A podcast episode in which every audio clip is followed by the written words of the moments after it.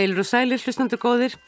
Það verður byrjað að huga tilnefningum til barna og úlingabókmyndaveluna Norðurlandaráðs og er það dönsku tilnefningarnar sem gömgjaðar verða í dag. Annars vegar myndabók, Da Mumbo Jumbo blið Kempe Stúa eða þegar hann Mumbo Jumbo varð Reisa Stór eftir Jakob Martin Strít sem margir kannast vist við sem fylgjast með dönskum blöðum eða norrænum barnabókmyndum. En Jakob Martin hefur sendt frá sér fjölmarkar barnabækur og var á árum áður, vinsæl og umdeildur teknimyndasögu höfundur meðal annars hjá dagblæðunum Politíken. Hinn höfundurinn sem tilhemdur er, Cecilie Eken, hefur ekki síður átt vinsældum á fagna og eru vandaðar barna- og úlingabækur hennar mjög vinsælar í Danmörku og hafa verið þýttar á fjölmörg tungumál auk þess sem hún eru fengið fjölda verlauna. Þetta er fyrsta bókin í eins konar vísinda þríleik sem nú er tilnemd og ber svo bók titilinn Sturken. Meira um báðar þessar bækur og höfunda þeirra síðar í þættinum. Við byrjum á nýjútkominni íslenskri skáldsögu um nokkuð óvenjulegt efni að hluta, nefnilega dýrin í lífu okkar. Því þótt við séum ekki bændur eða höldum gæludýr, þá koma dýr, lífs eða liðin við sögu í daglegu lífi hverran mannesku.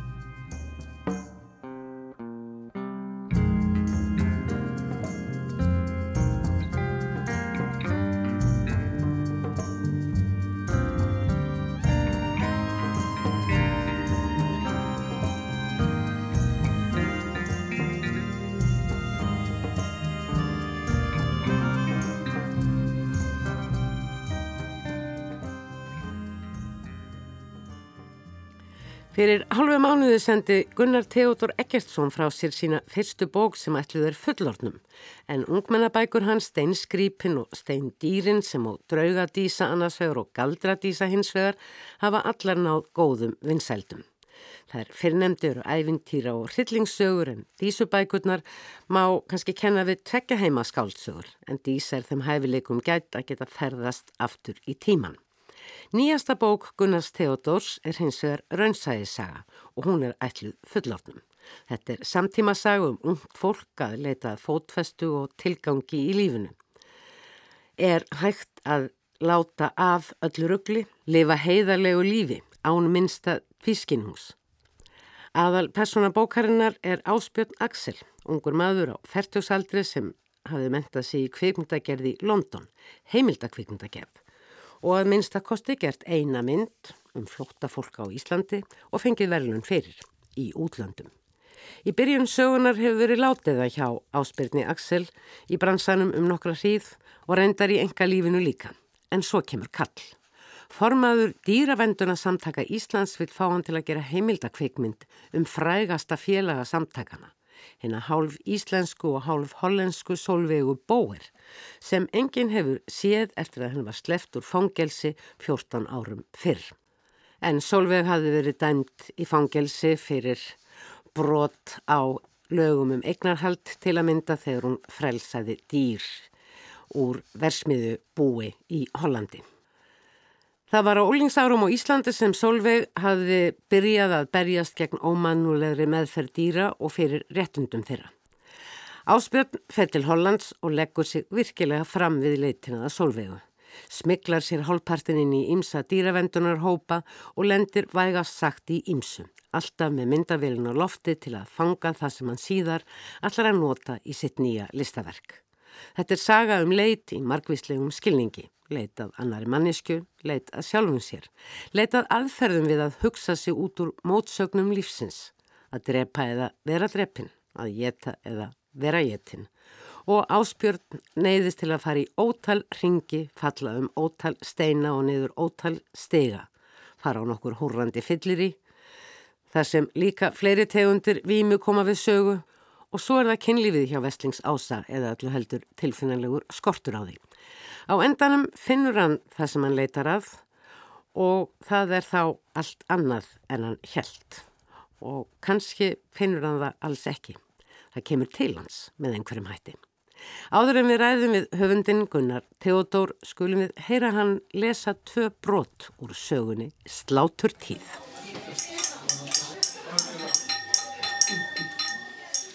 Hæ, velkomin. Takk fyrir að koma og fagna þessar útgáðu með mér. Það var ósalega órumverulegt að vera í Svíþjóð þegar bókinn kom í búðir og far sendt út í bókaklúb og einhvern veginn alls konar fólk farið að handfjallana áður en ég fekk eintakki hendurna. Eh, ég ætla að lesa tvö brotu bókinni og í leiðinu þá kynni ykkur fyrir tveimur aðapersonu bókarinnar. Það er að segja kvikmyndagera manninum Áspyrni Axel sem er að gera þessa heimildamind í bókinni um Solveigu Bauer sem er dýraréttindakona sem að satt í fangilsi fyrir beinar aðgerðir þannig að fyrirkablin er bara alveg úr blábyrjum bókar og er svona svolítið upplýsingaflæði um Solveigu og ég ætla að byrja á því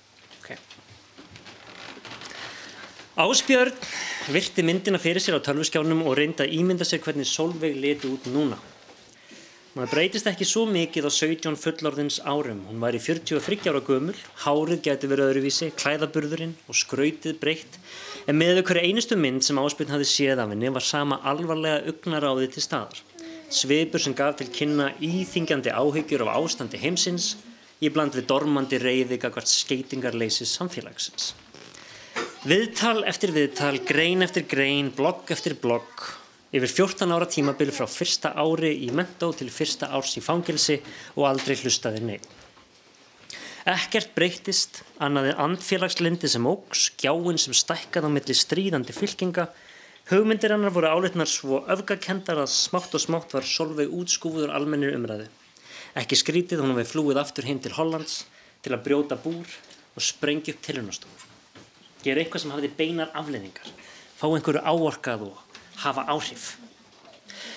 En hún hafði greinilega haft einhver áhrif til lengri tíma því annars hefði áspiln ekki verið sendur á stað til að finna hana. Ný kynsluð af dýraréttindasinnum að byrjuð að dreifa báðskap sínum á götum úti og mótmala fram með fyrir sláturhúsum. Samfélagið var farið að spyrja sér spurninga um geldingu og svínum án deyfingar, höstsláturinn á kópum í hústýragarðinum, mannlíðan kjúklinga og eggjabúum og vaksandi loðdýrarekt á tímum þegar nákvæmlega keftust við að banna stíkt. Svo ekki sem minnst á loftslagsumræðana um skadaleg áhrif dýraræktar. Því hlaut að koma því einhver myndi spyrja hvað varð eiginlega um konuna sem lendi í fangelsi fyrir að frelsa dýr? En þá var hún löngu horfin sjónum. Uh, svo ætlum ég að hoppa alveg skuggalega langt fram í söguna en það skemmir samt ekkert fyrir framlósinni þó ég fari nýri í 17. kabla og lefi ykkur að heyra smá senu með áspyrni. Þetta er líklega best að útskýra sem minnst. Þá eru því svona nokkur neginn í sömu aðstæðum og aðapersonan þegar kaplinn hefst. Skerandi sólargeislar þvinguð upp auglokk apans í glerhúsinu og neittan til að snúa sér á grúfu og hann í silkimjúkan skrautpúða. Hann tegður fótonum og klemdi þund bómullar teppi á milli hnjána. Neriðum saman húðin viðkvæm, hvert einasta líkamshár spert upp í loftið, morgunstandurinn líka. Mannapin andvarpaði, velti sér á hliðina og virti fyrir sér plöntunar sem risu alla leið upp í loft, yðandi frumskóur af grænu og brúnu og dökkurauðu. Hér var hlýtt og notalegt. Áspil settist upp og horfi út úr garskálanum. Hann hafði sofið á legubekkur táum innan um fleiri svipuð húsgögn með hvítum púðum. Fyrir utan stóðu glæsileg tré umkring þykkum runnum og malarstígur lág frá hörðinni inn eftir grösugum og blómlegum gardi. Undursamlega fallegt umhverfi var í hrópandi anstöðu við líkamlega líðan áspjarnar. Hann titraði undir teppinu, íklættur út ældum og sveittum djamfötunum sem lyftuðu af reykingastippu og hindberjum með þvíligan þrýstingi þörmanum að korki mátti við kúrin í afslöpu. Apamadurinn stökk á fætur, strunsaði út á búrinu og fann þingdaraflið kalla með fyrsta skrefi út í listigarðin. Valla tími til að gerða niður um sig hvað þá að halda í safrætnins leit. Hann hendi sér inn í runnaþykniðu lit vaða ofan í moldina. Saurinn slettist yfir blöð og rætur og mögulega eitthvað smávegis á stregaskona.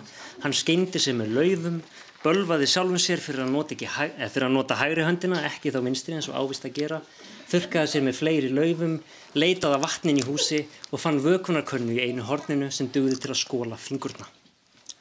Kverkarnar voru skraufþurrar og brjóstsviðin ætlaði að drepa. Áspytt fekk sér sopa, vatni var volt og vond fullt af plöntuvítaminum, en hann kynkti því samt, ræsti sig og gaf frá sér undarlegt kvæs. Þá rak hann augun í myndavilatöskuna og uppgöttaði sér til innilegra gleði að vélinn var enn á sínum stað, þótt ekki var að hægt að kveikja á henni lengur. En það útkerði á orkulauðsins og eigandin. Áspjöld skellt henn á aukslina, tegð úr sér, andvarpaði og hristi kinnarnar. Sólþurkað loftiðinn í húsinu var svo þrúandi að hann flúði aftur út í garð. Hann fekk ofbyrkt í augun af sólargeslunum en eirun spertust við að heyra fugglahljóð í næsta nákvæmni. Gagg og kurr og meira segja hanagal í fjarska. Áspjörn fyldi stignum og staulaðist hókin út úr trjáþykninu, beinti flasið á föngulugum og fyrruðum hópi sem vakkaði fram og aftur á grasblettinum og kifti sér ekkert upp við óvæntan mann fjandan sem byrstist með þeirra. Fugglarnir tóku dýfur ofan í grasið, eldu hver annan og blökuðu vangjum, uppteknir af eigin tegund og þeirri innanbúðarpólitík sem á sér stað í samfélagi vangjadra. Áspjörn nuttaði augun til að vennja spyrstunni, horði í kringum sig og nuttaði aftur með hraði þegar hann sá kú sem stóð álendar með starðarnar geit á bakinu. Hún jarmaði og horfi vígarlega til hann sem kýrin beit gras eins og ekkert var eðlilegra en þessi ferfætti og höguskeggjaði bakpóki. Áspjörn namn staðar og hlustaði á hnegg og gælt, gagg og baul, rít og jarm renna saman í sveita, sinfoni og allt umkring. Hann reikaði stefnuleust um þennan hústýragar sem virtist engan enda ætla að taka. Dýrin ráfuðu frjáls innan um trí og grösugar lendur og ekkert er að síndi honum minnsta áhuga. Hann kom að stóri tjörn, þar sem ferfællingarnir svöluðu sér og fann sjálfur Þorstan blossa upp. Áspjörn gekk hægum skrefum upp á nokkrum svínum sem lágu við tjarnabakkan og böðuðu sig í solríkri drullu. Begði sér nýra á hníjan og draup höfði til að drekka. Þegar hann rétt aftur úr sér sá hann glitta í geysistort hús á bakvið trjáþyrpinguna. Hann tók stefnuna á siðminninguna og gekk fram með enn fleiri dýrum á leiðinni. Sum hverju vistust að hafa verið illa særð og jafna sig, grísir með ör, þrýfætt kind, vangbrotin hæna. Mörg dýrana vistust vera komin til ára sinna og það stakk áspytt hversu sjaldan hann hafi séð gömul hústýr. Ekki oft sem nýsluvörur fengi að eldast í friði að stoppa það.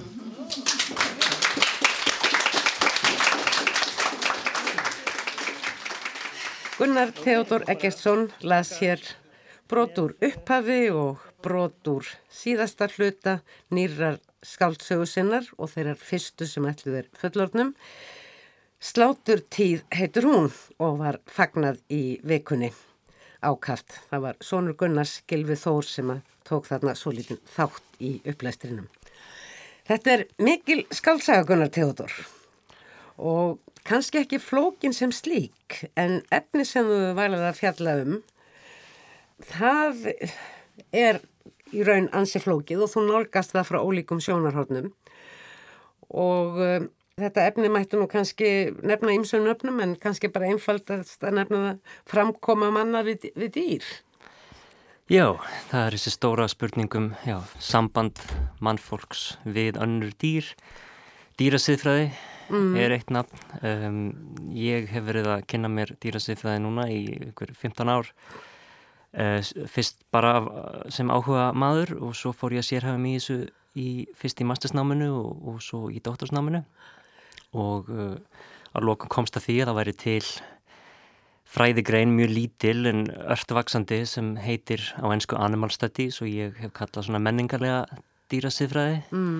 það sem maður er að skoða þá samband okkar við dýrin eins og það byrstist í gegnum menninguna og hvaða áhrif menningin hefur á hugmyndur okkar um ákveðin dýrum, tegandir og, og svo framvegis og kvikmyndir og bókmyndir og myndlist og allt mögulegt mm. um, Doktorsritgerðin þín fjallaði sem sagt um um sögur af dýrum Já, og var skrifuð hvað innan bókmyndafræðinar innan bókmyndafræðinar ég um, þurfti að halda mig þar þannig að ég endaði á þessum fókus á uh, raunsæðislega dýrasögur sem á voru mjög vinsalar sent á 19. öld eftir Darvin og, mm. og, og raunsæðislegnan er hérna blúsandi og, og þá voru Þegar margir höfundar. Það var búið að tengja okkur svona kyrfilega við dýrin. Já, tengja okkur við það. Það er sama uppruna. Já, og sína fram á það að dýr hafi svona búið yfir sín eigin uh, sálarlífi og hugsunum og allt það. að þá var, var hópur af höfundum sem að hellaðast af þessu og fór að skrifa sögur út frá sjónarhotni annara dýra, ég mynda sér hvernig þeim líður í mm. veröldinu og hvernig og svona hoppa út úr mannmiðjunni sem er að vissuleiti líka það sem er að mm. gerast í slátu tíð í bókinni að, að það sem aðanpersonan er að gangi gegnum, hann er að læra að, að, að horfa út fyrir mannmiðina Já, þú beitir þeirri aðferð að, að senda aðalpersonuna út í heim til að kynna mm -hmm. sér það sem að þú veist og uppgötra það svona fyrir hönd lesandans. Í, já, í rauninni og, og þá Dóttursríkirinn, eh, þar hef ég endað á fjallum þetta svona þrönga bókmyndaform raunsæðis dýrasagan þá voru alveg nokkur, nokkur ár þarna í upphafið sem ég vissi ekkert hvað ég var að fara að gera. Ég vissi ég hafði áhuga á þessu efni en það var svo margt uh, sem stóð til bóða og það voru svo margi vinklar sem ég vildi skoða og, og ég las og las og las hinnar þessa bækur og í dýrastíðfræði og, og menningarfræðinni og,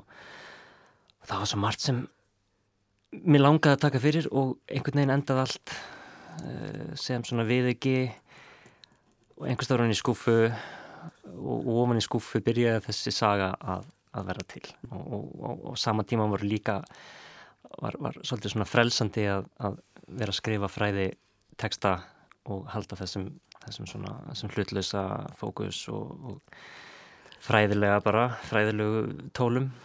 Og geta svo bara algjörlega svo sleft öllu lausu í, í skaldsöguformi og fleikt aðpersonum mínum inn í inn í þessar þversagnir mm. sem engina samband mann og dýra. Doktorsritgerðina verður núna fyrir hvað tæpa ári? 2016 sem að Nú, ég, ég varði hana, já. Og en varstu þá, þá byrjaður á þessari bók, varstu þá farin að hugsa, já, já, þetta komin, kemur sér vel já, í skáldsögunni? Já, algjörlega. uh, ég náði að skipta með mig svolítið tímanum, ég var náðu stundum að skrifa og, og svo að vinna doktorsnáminu og ég minna, doktorsnámi var mörg ár Þannig að já, hún var svona að matla alveg frá 2013, mm. 14 allavega uh, þessi, þessi saga og uh, svo fór ég á fullt svona síðustu 2-3 ári núna að klára hana. Ég gerir áþerir að það hafi svona reynstið til til auðveld ákverðun að gera aðal personuna að kvikmyndagerðamannið. Þú hefur jú verið með pistla hér á rási eitt jú, jú. um kvikmyndir og kvikmyndatónlist og hvaðina. Já, ég og... kann ekki kvikmyndagerð en uh, ég lærði kvikmyndafræði í Hollandi sem líka er náttúrulega stórst sögusvið bókarinnar. Vissulega. Um, Meirluti bókarinnar rási stað í Hollandi og mér fannst gentilegt að reyna að tengja kveikmyndirnar inn í þetta og leika mér svona svolítið að því að láta personuna vera að lýsa einhverju, einhverju sjónrænu sem hann heitlast af í gegnum texta og, mm. og, og, og blanda þessu svona saman að vera að tala um kveikmyndir í rituðumáli. En burt séð frá dýravendinni sem er náttúrulega eh, gríðarlega mikið tema. Já hvernig við komum fram við dýr já, í vestrænu samfélagi og bara kannski for... öllum samfélagum og já. njótum okkar steikur. Já, já, sínilega og ósínilega og, og forgangsröðunin líka, mm. um hvaða dýr hljóta virðingu og, og, og upphafningu og hver ekki og hvers vegna ekki og þetta eru svona þessar klassísku stóru spurningar dýrasiðfræðinar. En svo er þetta líka, ertu mikið að velta fyrir þér sko viðbröðum, þú veist, hvernig getum við í rauninni hegðað okkur rétt því að þetta er líka almennsiðfræði sem mm -hmm. þú mhm.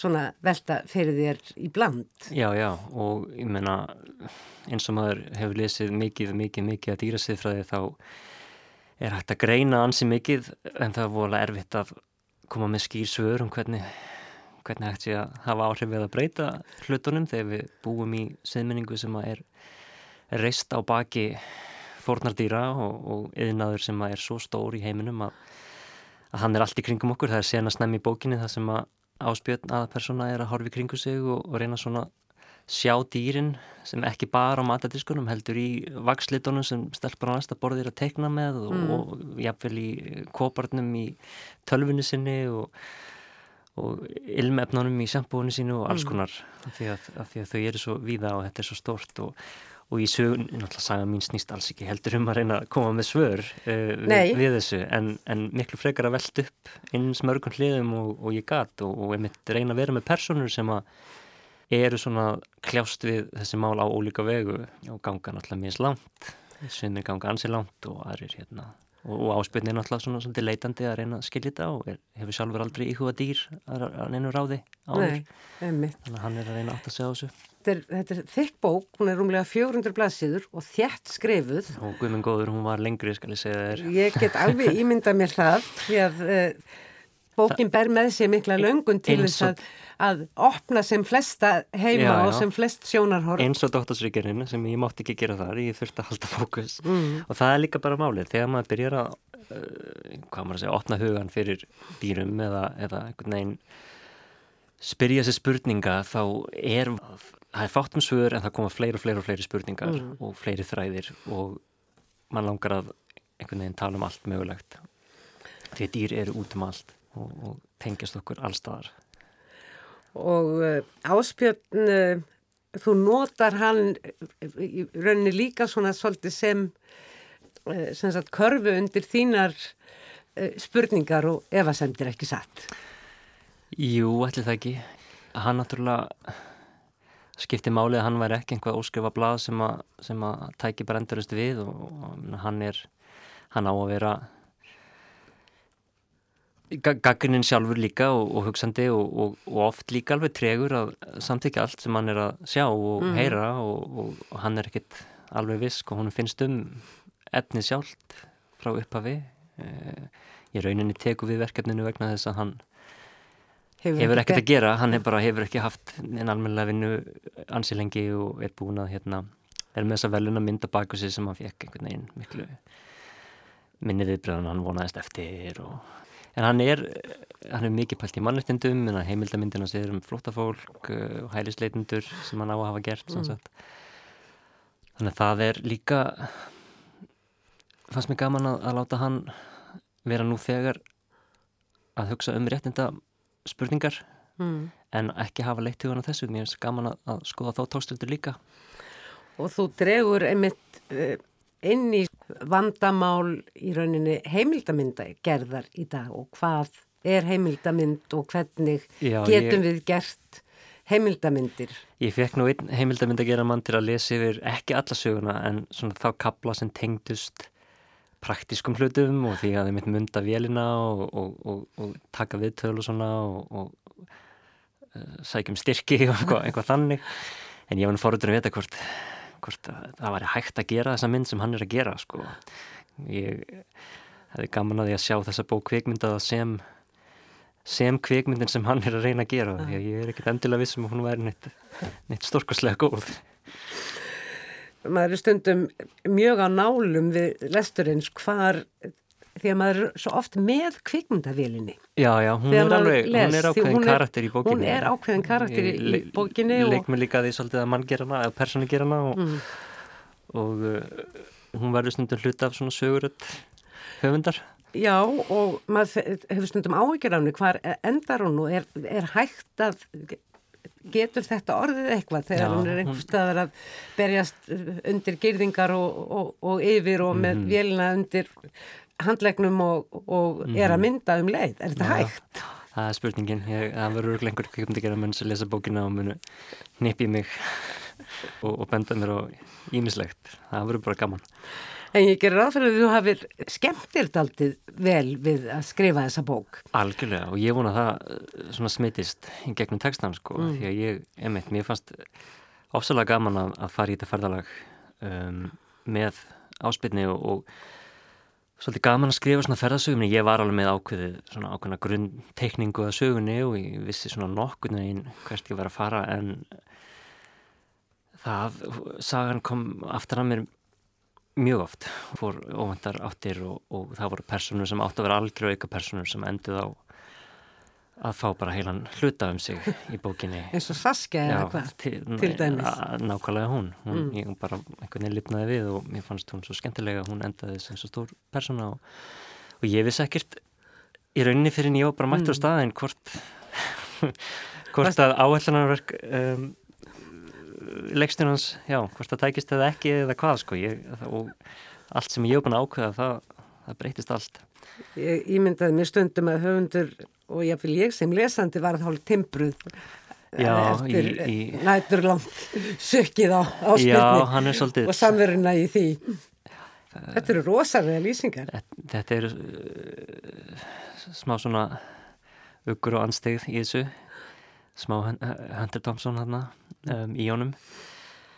Og það er líka hluti af svolítið uppbyggingu bókarinnar sko. Það eru þessar svona, það eru þrjá stórar senur það sem að hann Já, og þú notar það svona svolítið til þess að ein, gefa þér gefa þér færi á beigjum í ymsar áttir Já, það, það færa hann allar inn á nýtt þrep einhvern veginn. Uh, og eru hluti af þessari svona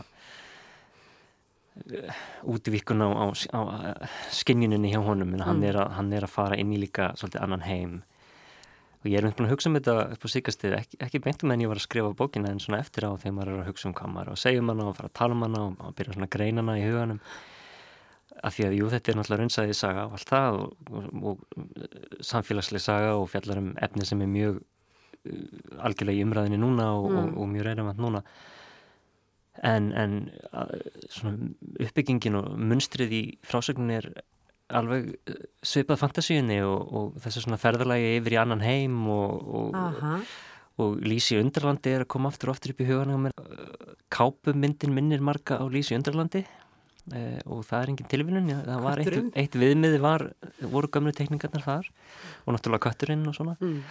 Titillin, sláturtíð Það er sláturtíð í margvíslegum skilningi. Já, þetta er svona margræða titill. Þá hann hafi nú komið til, því þú myndist á hann, hún væri svolítið, uh, svona, svolítið þykk bókin og, hún var lengri og ég held ég hafi skorið út einhver 25.000 orð úr, úr, úr bókinni og það var eiginlega rýtstjórn sem að því ég sendi henni bríf og sagði hvað ég væri búin að taka mikið út þá skrifaði hann að það væri greinilega komið slátutíð hjá mér og þá einhvern veginn já það gæti verið náttúrulega bók mm. og, og hann, hann festist þá Þú talar um fantasíur og þú talar um Lísi Undrælandi. Ég, svona... Mér var mest hugsað eiginlega til svona eh, 19. aldar eh, rússa, tolstói og af mjög ákveðina ástæðu já. sem er, var algengis miðarskum skáldsögum þarna í kringum aldamótin 1900. Mm. Það eru löng samtöl og mikla rökræður. Já, ég skilir, einmitt. já, það var náttúrulega, minn sem saga var til eiginlega sem persóna, sem Solveig Bauer, það var bara þessi aktivisti sem var svona umdild á Íslandi og hvarf, það var svona kveikjanabú að sögunni. Og svo var einhvern veginn grunntekningin viðmiðið var Heart of Darkness eftir Joseph Conrad. Þá, og þá bara þetta svona plottið að fara einhvert yfir í svolítið annan heim, yfir í einhver sem er í rauninni mjög samfélagslegt og pólitist mál Uh, hjá honum var það nýlendu stefnan í, í Afriku og Kongo og, og hann fer að leita einhvern sem er horfinn og mögulega sko orðin eitthvað uh, já, komin út úr, út úr eðlilegu samfélagi mm. þannig að það var alltaf svona, svona grunnur og það tvinna saman við svona hinsbyggilegar dý, dýrasifræði, díalóg sögur mm. þannig að það er ekkert skrítið kannski að þú skulur hugsa um þetta tímambil eða uh, Þú fórst að stað með fullar hendur af allskynns efni og uh, reyndir að koma því öllu í, í eina bók. Ó, Átt eitthvað eftir? Þess að skrifa fleiri bækur? Ekki í, ekki í þessu kannski í samhengi. Þessu samhengi, nei. En það var einhvað, ég menna Nú er ég búin að gera þessar, eh, þessar, þessar, þessar æfintýra bækur áður og, og lengi langað að skemma. Það fyrsta sem ég skrifaði er enda sem var gefið út var fyrir fullotna. Það var Hrollvekja, það var, var smásaga sem kom út 2005. Það fekk gattakilvuna. Mm -hmm. það, það fyrsta sem ég skrifaði var fyrir, fyrir fullotna lesendur en það er kannski til að gleymast. Um, mér hefði svo lengi langað til að gera skáldsögu fyrir eldri lesendur en Ég hugsa ég hefði gemt það svona á sleiði á frest vegna þess að mér vantaði efni sem ég einhvern veginn, mér finnst vera nógu sérstakt og ég væri nógu kunnur mm. og, og þetta var, fannst mér kjörið efni til að taka fyrir og, og, og uh, leika mér af. En mér langar að skrifa fleiri bækur og ég er alveg komið með uh, uppkast að, að annari sem verður á að vera hróllvekja. Um, en, en ekkert tengt að vera röglega fyllt á sláturnín en, en, en ekki tengt þessu Nei, heyrðu við bara lesum sláturtíð þanga til mm -hmm. og, og, og svo sannlega hérna má grípa onni hana oft og mikið því að mm -hmm. þetta er mjög þjætt ofinn saga sem á að lesa með ymsum glerugun. Mm -hmm. Til hamingu með hana, Gunnar Theodor og gangið vel. Takk fyrir.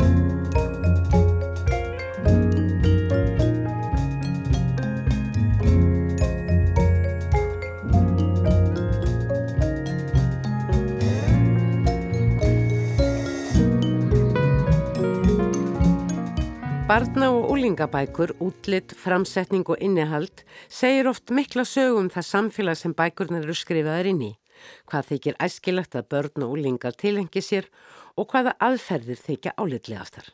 Hinn gamalgrónu bókmyndavelun Norðurlandaráðs sem fyrir nærfælt 60 árum voru sett á stopni þeim tilgangi að kynna bókmyndir Norðurlanda þjóðana fyrir hver annari, útilókuðu með sanni ekki barna- og úlingabókmyndir. Það var þó Alla tíð afar sjálfgeft að barna eða ungmennabækur væri tilnemdar og aldrei hlaut einn slík velunin.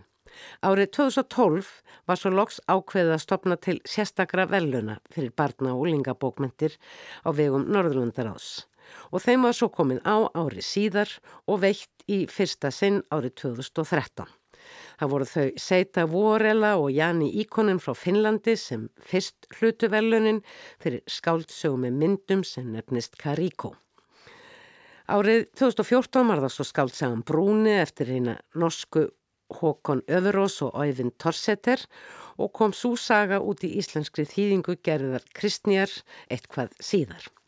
Árið 2015 var það svo svíin Jakob Vekilíus sem fekk velunum fyrir skáldsöguna Mördarins Apa eða Morðingi Apans og árið síðar Arnar Már Artgrímsson fyrir Sölvasögu Úlings.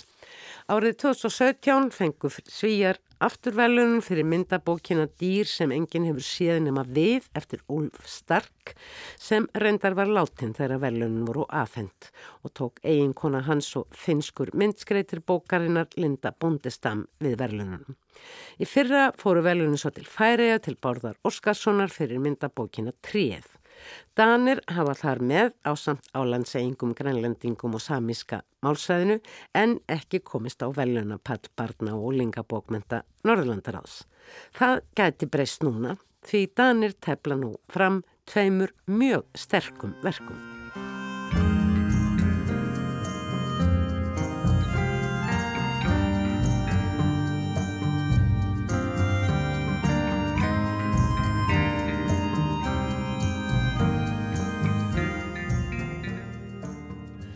Bækurni sem Danir tilnefna til barna og úlingabókmyndavelluna Norðurlandaráðs árið 2019 eru annars vegar fyrsta bókin í fantasíu vísindasagna þríleik sem gerist í stjörnuþókunni Karan og ber þessi bók titilinn Sturke, styrkur eða þróttur.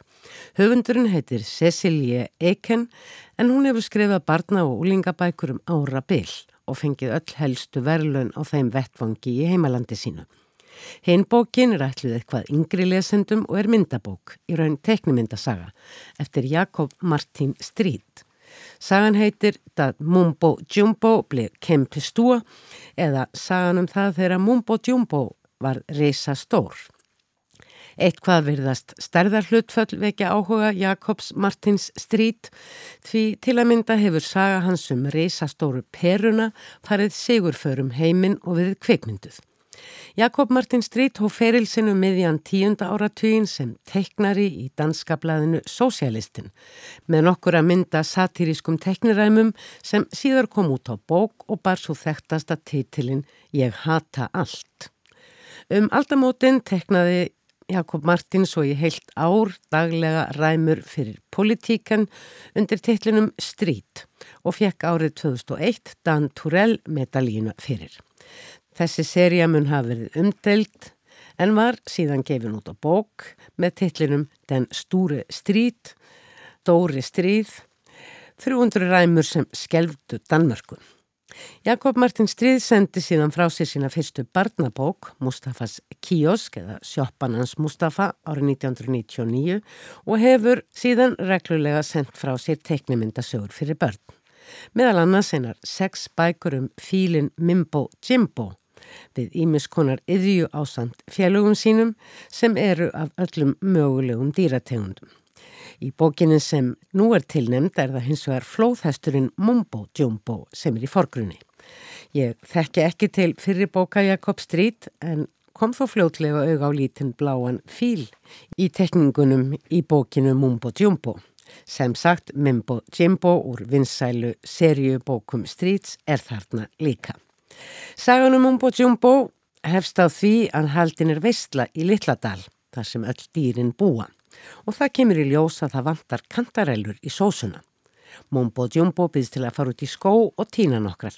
Hann fær lánaðan bakpoka og leggur af stað. En Mumbo Jumbo man ekki vel hvernig kantarellu líta út. Hann kemur auð á sveppi en er ekki viss hvert það séu kantarellur. Svo hann smakkar. Og viti menn, í sama vettfangi verður litli flóðhesturinn risa stór. En veit þá líka að þessi sveppir eru ekki kantarellur, heldur eitthvað annað. Hann flýti sér heim og furðar sig á öllum smátrjánum í kringum sig í skóinum en trén er auðvitað svona lítil vegna þess að Mumbo Jumbo er orðin reysa stór. Ímislegt gerist fyndið og fáranlegt þegar reysastór flóðhestur er að aðtapna sig í sínu venjulega umhverfi sem auðvitað í bók sem þessar er óskup venjulegt með húsum og gerðingum, borðum og stólum. En reysastóri Mumbo Jumbo stýgur til að mynda á sólstól sem við það brotnar eins og hann veri elspýtnastokkur. Allstaðar er reysa flóðhesturinn til ama, kemst ekki einu sinni inn í húsið heima hjá sér, hvað þá að hann geti skriðið upp í fangið á mömmu sinni. Mumbo Jumbo grætur og vill verða lítill eftir. Öll hindýrin, vinir hans, reyna að láta sér detta eitthvað í hug til að fá Mumbo Jumbo til að hætta að gráta. Eitt er að stingur upp á því að allir fara út í skó og borði sömu sveppi og Mumbo Jumbo og verði þá eins og hann risa stór. Borðlegjandi en hangur á því þá kæmist þau ekki öll fyrir í Littladal. Það er einfalt orsakasamhengi af þessu tægi sem enkennir þessa bók Jakobs Martin Street en svo verði sem dýrin, já eða vinahópurinn í bókinni séu góðkunningja þeirra sem bókinni rætluð saman ber bláa fílin Mimbo Jimbo sem áður var minnst á. Og ef markam á bókina um Mumbo Jumbo er hér um nokkuð óvinnilegar barnabækur að ræða. Hér er ekki verið að upplýsa unga lesendunni að koma ákveðnum bóðskap á framfæri. Hér er hugarfluginni gefin fullkomlega laust taumur um leið og ljóstir að höfundur þekkir vel, þekktar barnasögur og personur sem á hefbundin æfintýri og þeirra lögmál. Lausnin sem í þessari sögu á endanum er reynd til að koma Mumbo Jumbo aftur í fyrra horf er að leita til nortnarinnar Baba Jöku í hennu þekta rúsneska æfintýri sem ber nafninar. Það er ekki óyfirstíganlegt fyrir hinn resastóra Mumbo Jumbo að steika 100.000 km til Sýberíu þar sem Baba Yaga býr. En Mumbo Jumbo óar við að leggja einn í þessa langferð því þótt hann sé resastór þá er hann lítill inn í sér. Vinir hans fara því allir með honum en ekki geta þeir hlaupið þangað á sínum litlu fótum og enn þarf að finna löstnir og það er ímislegt reynd. Á endanum koma allir sér fyrir í eðal baðkeri krokodílsins stilla sem fest hefur verið við loftbelg sem Mumbo Jumbo heldur á lofti líkt og blöðru á gungufersinni til Sýberíu og fund nornarinnar Baba Jöku. Myndirnar af þessu ferðalagi sem líkur eftir megin akbröð eru kostulegar og fyndnar því auðvitað vekur reysastór flóðhestur með loftbelgi snúru aðtikli og veldur nokkur uppnámi meðal aukumanna og bíla. Sumir í loftbelgs baðkarnu verða líka flugveikir, aðri svangir og svo framvegis og auðvitað gerist það að bandið sem tengir Mumbo Jumbo við loftbelgin og fína hönnunar baðkarið þar sem félagar hans setja slittnar og loftbelgurinn svífur upp í himmingfólfið. Það eru stjörnur og tungl en líka alls konar drastl eins og úr sér gengin gerfutungl og einmitt eitt slikt grípa félagarnir í baðkarinu til að þingja sig og komast aftur niður til Mumbo Jumbo. Á endanum kemst hersingin og leðarend eftir margvísleg æfintýr og atvik sem ég hyggað ungir lesendur skemmti sér stórvel við að skoða og heyra um og fullornir líka. Nortnin Baba Jaka er skemmtileg kerling með ráðundir reyfi hverju og beitir á endanum kjarnaottum úr úrsýrgenginni kjarnaflög til að minka múmbo djúmbo. En hvernig kemst nú hersingin aftur heim? Leiðin frá Sýberíu til Moskvu er auðveld því hús Nortnarinnar Baba Jöku hefur fætur og með alla innan hús stekar húsið einfallega fangað. En lengra má það ekki fara. Því hefur Nornin Baba Jakavist lofað lauruglunum. Hvað er nú til ráða? Jú, hér er botli sem Norninni Baba Jöku verður ekki skotaskuld að stekka svo að allir komist fyrir í honum. Nornin er líka með verkfærakassa og 1, 2 og 10 er búið að föndra hreyfil og festa við risabotlan og allir geta flóið heim storkoslega snögg og skemmtileg framvinda og eins og gefur að skilja fyrir allt vel að lókum. Heima í Littladal býður svo vestluborð fyrir svanga ferðalangana og þegar nóttinn dettur á má Mumbo Djumbo skrýða uppi hjá memmu sinni því hann er örð þreyttur. Hér eru allir frásagnarþræðir hæfilega stuttir til að halda aðtegli og skemta yngstu bókaormunum en vekja líka spurningar sem jafnvel getur þvælst fyrir sömum fullordnum sem les þessa bók með ungum bókaormi að svara. En er það ekki bara fyrir takk? Og svo er sagan ekki búin þótt hún sé búin, því sögupersonarnar sjálfar spyrja líka spurninga og gera jafnvel aðtúasendur við það hvernig sagan fór. Dilli krokodillir til að mynda alls ekki ánaður með það að fína sér hann að baðkarðan skulle hafa minka til muna, líkt og mumbo djumbo. En svo bendur einhver dilla á að hann geti fengið risabotlan til að baða sig og sjálfur fær hann þá hugmynd að opna músabað, þar sem allar mís geta komið og farið í bað í pínlitla baðkarnu hans. Hér er sannlega á ferðinni óvinnileg og afar hressandi saga fyrir yngri krakka þar sem alla reglur barnabókan eru þverr brotnar en af kunnáttu og hugvitsemi. Myndasögur Jakobs Martins Strít hafi verið þýttar á ótal tungumál og vist veri fengur af þeim á íslensku. En svo má líka frísk upp á gamlu skóladanskuna með því að notast við frumútgáfurnar.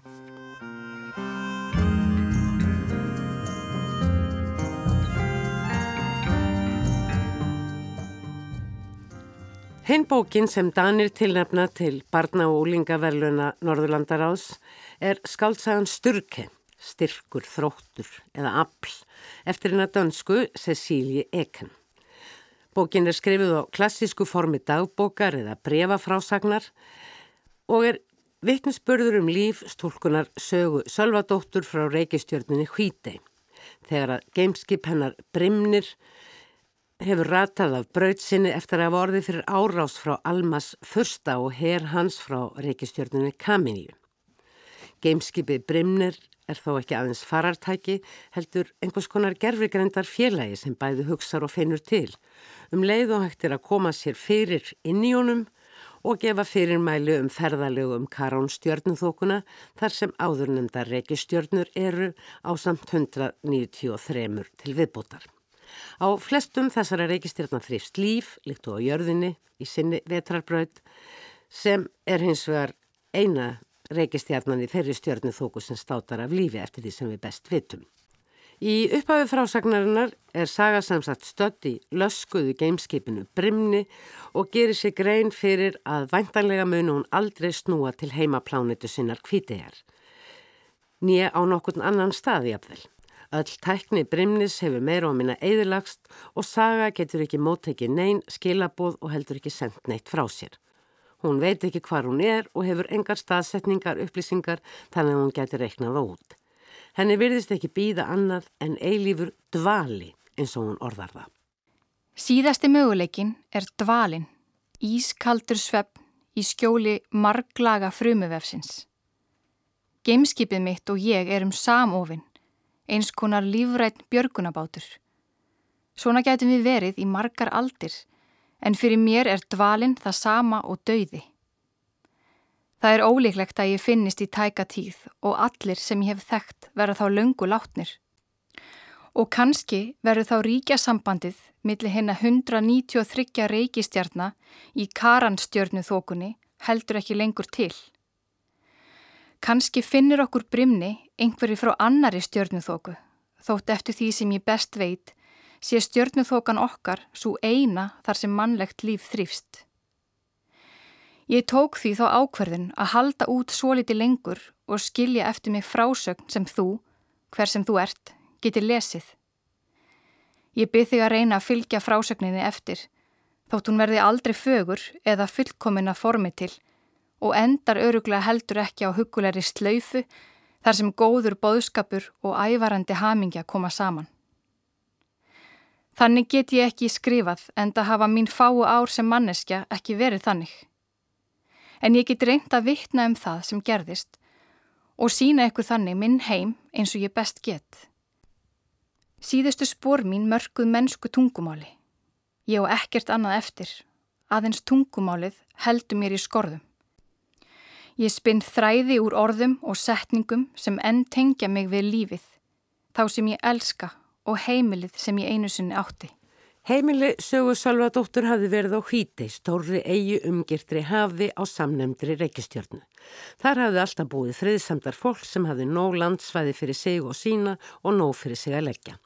Titillbókarinnar Sturken, Ablið eða Þrótturinn vísar til aðsta eiginleika fólksins sem þarna býr.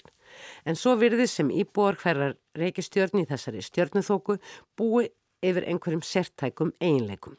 Ekki tóst mér endar fyllilega átta með á því í hverju nákvæmlega þetta afleiða þróttur fels sem enginnir kvíteyinga og allir búa yfir en með þessu afli virðist mega yfirvinna í miskonar hindranir. Fólkið á reykistjörninu Karmeníu hins vegar er sérdeilig stugmikið að finna og grafa stjörnusteina úr jörðu og það er nóg að þeim á reykistjörninu þeirra. Kanski farða að ganga á byrðirnar úr því að Almas första, fórustu personu þar, er svo mikið í mun að seilast lengra og gifta eldri svonsinn stúlku frá Hítei. Svo stúlka eru þetta saga Söladóttir, dóttir formansins á Hítei.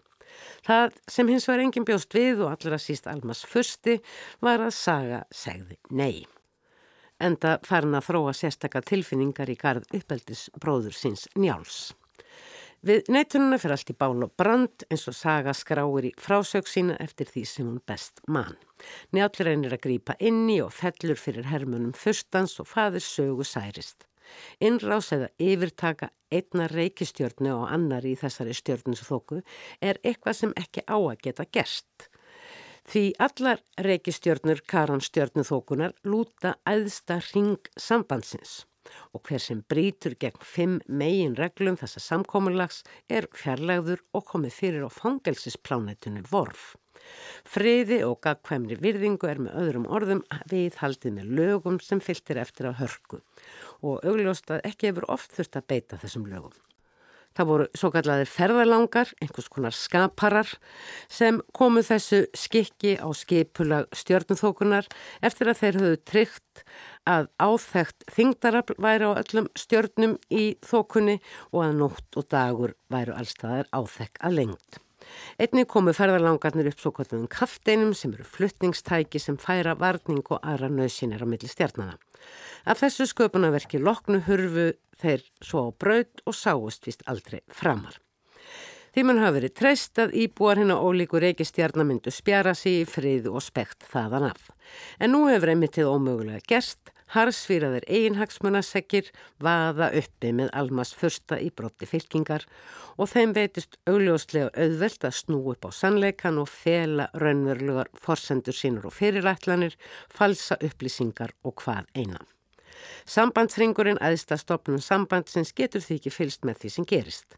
Þess má geta að ferðarlangarnir svokollu höfðu á sínum tíma skilið eftir svo litla hverjugjöf á hverri reykistjörnu í umsjá aðsta yfirmannsviðkomandi stjörnu. Nokkus konar síðasta haldreipið allt fær í bál og brand eins og nú er raunin. Hveðjugjöfum til kvíteyinga hafði einmitt verið gameskipið Brimnir sem Saga Sölvadóttir á endanum næra flýja í og komast til móður sinnar sem býr á annari reykistjörnu en það gerist þó ekki fyrir en alveg undir lokin á þessari spennandi fyrstu bók um lífið í karanstjörnu þokkunni. Önnur bókin í þessum flokki sem nefnist Tillit eða Tröst er þegar komin út í Danmörku og svo þriðja Forbún eða Sambandið mun vera vantanleg síðar á þessu ári.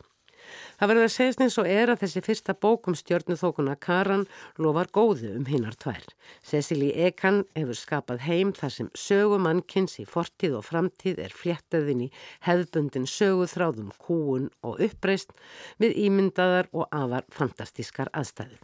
Hetjan Saga Sölvudóttir best meira vilja og skildurekni en mætti gegn Almas fyrsta og sónum hans og ég gerir ráð fyrir að hún hafi sigur þótt baráttans ég ekki til líkt að leitt í þessari fyrstu bók. Saga er ekki ofurhetja með yfirskilvillega hæfileika heldur fremur menjuleg stelpa á úlingsaldri sem kann sumt en ekki annað. En hún er næm og eftirtektasum og hugsa sér fram til lausnar á hverjum vanda. Stundum tekst henni vel upp en stundum mistekst henni. Og þá þarf hann að hugsa allt upp á nýtt. Jafnvel þótt henni sé skapi næst að gefast upp. eins og þegar hann hefur verið kastað í myrka dýflissu eftir enn eina til raunina til að ná til föðursins og helstu ráðgjafa hans. Róleg, róleg, reyndi ég að kvistla sjálfur mér. Anda djúft.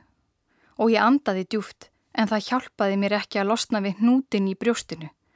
Og ég áttaði mig á að Almas fyrsti var of sterkur fyrir mig að sér hver tilrönd til að ganga gegn honum var dæmt til að mislukast úr því að hann gæti einfallega hend mér út í istu myrkur.